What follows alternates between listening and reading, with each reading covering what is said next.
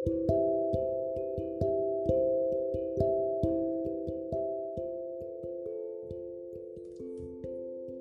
Assalamualaikum. Podcast ke-9 Tentang keluarga.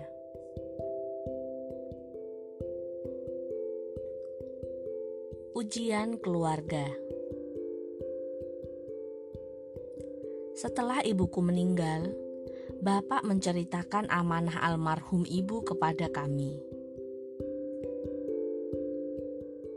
Kata Bapak, Ibu meminta maaf kepada Bapak jika telah ceroboh meminjamkan sertifikat rumah kepada Mariono, tetangga kami.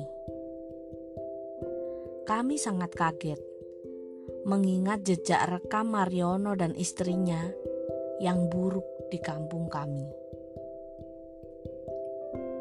Kami semua anak-anak Bapak berdiskusi dan berkumpul agar semua tindakan yang kami lakukan tidak merugikan kami sendiri.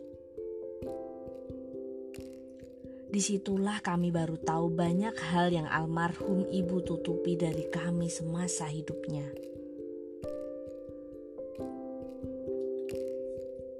Malam itu kami datang ke rumah Mariono untuk menanyakan perihal tersebut. Lagaknya yang parlente membuka pintu dengan getar dan justru sibuk membangunkan istrinya yang sedang malas-malasan. Kami datang untuk mendengar karena kami belum punya bukti yang lain.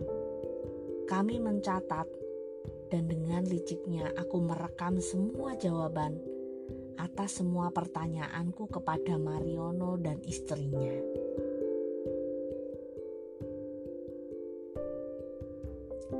Jawaban versi istri Mariono sangat mengagetkan. Dia bilang tidak meminjam sertifikat, melainkan ibukulah yang punya sangkutan hutang banyak atas uang itu. Oke, aku catat. Sambil mengajukan satu persatu pertanyaan dan ada gelagat lain. Tahukah kalau orang tidak jujur, jawabannya justru tidak konsisten. Ketika ditanya hal yang sama, lalu ditanya hal lain, diputar-putar lagi, lalu kembali ke pertanyaan yang sudah diajukan, jawabannya juga berbeda.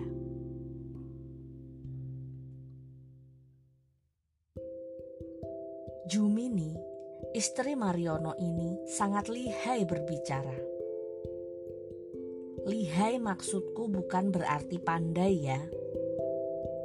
Jumini sangat memojokkan almarhum ibuku. Meski tidak menutup segala kemungkinan, kami tetap memilih mendengarkan versinya.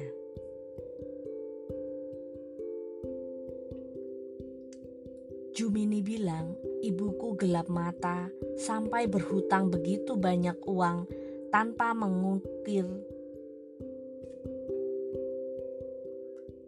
Jumini bilang, ibuku gelap mata sampai berhutang begitu banyak uang tanpa mengukur tingkat kekuatannya. Dia bak melempar semua tanggung jawab kepada kami untuk menebus hutang kami atas rumah kami sendiri. Di akhir cerita, justru Jumini mengajakku untuk melunasi hutang bersama dia. Dia bersedia mengantarku ke rumah rentenir. Aku bilang kami akan berdiskusi dulu. Berbekal tekad kuat, catatan dan rekaman, kami akhirnya pulang. Hari kedua kami menemui Marno. Marno adalah kurir hutang Marno adalah jembatan antara Mariono dan rentenir untuk mengambil hutang. Malam itu pun kami bersilaturahmi ke rumahnya. Rumah yang juga adalah sebuah warung di wisata pegunungan yang dingin di kampung kami. Cuma ada seorang pembeli kopi yang datang malam itu lantas pergi.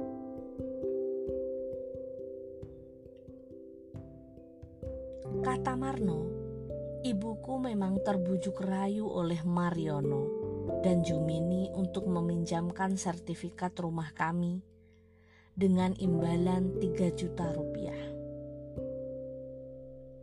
Karena desakan ekonomi, ibu justru setuju dan tanpa berpikir panjang dengan segala resikonya.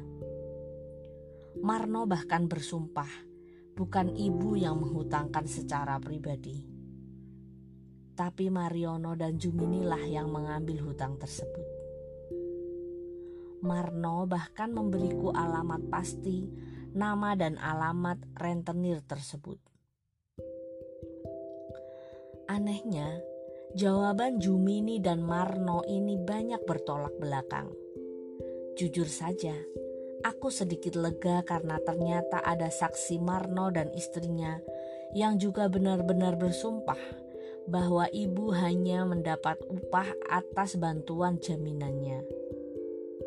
Bahkan Pak Marno menunjuk seorang perangkat desa yang turut mengetahui piutang ini. Hari ketiga kami menemui Cak Rus. Aku merasa agak aneh. Memang, Cak Rus ini seorang perangkat RT namun bukan dari RT rumah kami, bukan juga RT dari pihak Mariono. Oh, ternyata Cak Rus ini berhasil ditipu daya dimintai tanda tangan oleh Mariono untuk melengkapi berkas piutangnya saja. Karena kedatangan kami, Cak Rus pun semakin mantap mendukung di pihak kami. Karena merasa tertipu juga, dan dirugikan nama baiknya. Kebetulan Cak Rus ini adalah sahabat dari kakakku yang pertama. Hari keempat, aku berhasil datang ke rumah rentenir. Pak Suradi adalah seorang pengusaha kaya di sebuah kampung. Sosoknya yang menurutku masih muda dan sangat cerdas dengan lantang beliau menemui kami dan menjelaskan duduk rinci atas piutang yang sedikit rumit ini.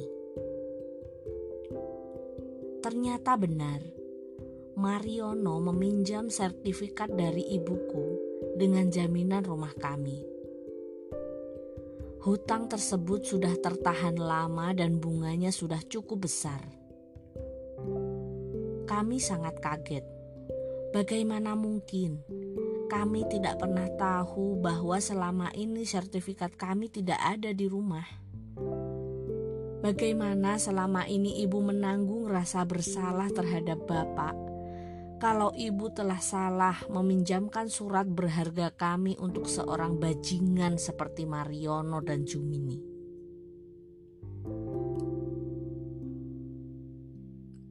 Akhirnya perkara ini kami bawa ke sidang di kelurahan.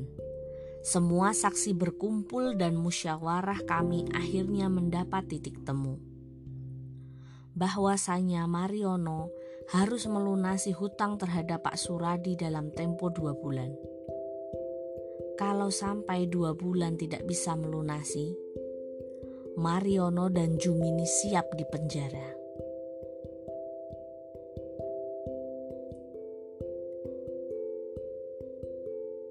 Kini sudah dua bulan sampai di hari H, Mariono dan Jumini pun berkelik tak punya apa-apa. Sementara aku harus wajib dituntut menebus rumah kami, membayar rumah yang bapak tinggali, tanpa tahu apa-apa tentang uang itu, tanpa makan sepeser pun dari piutang itu.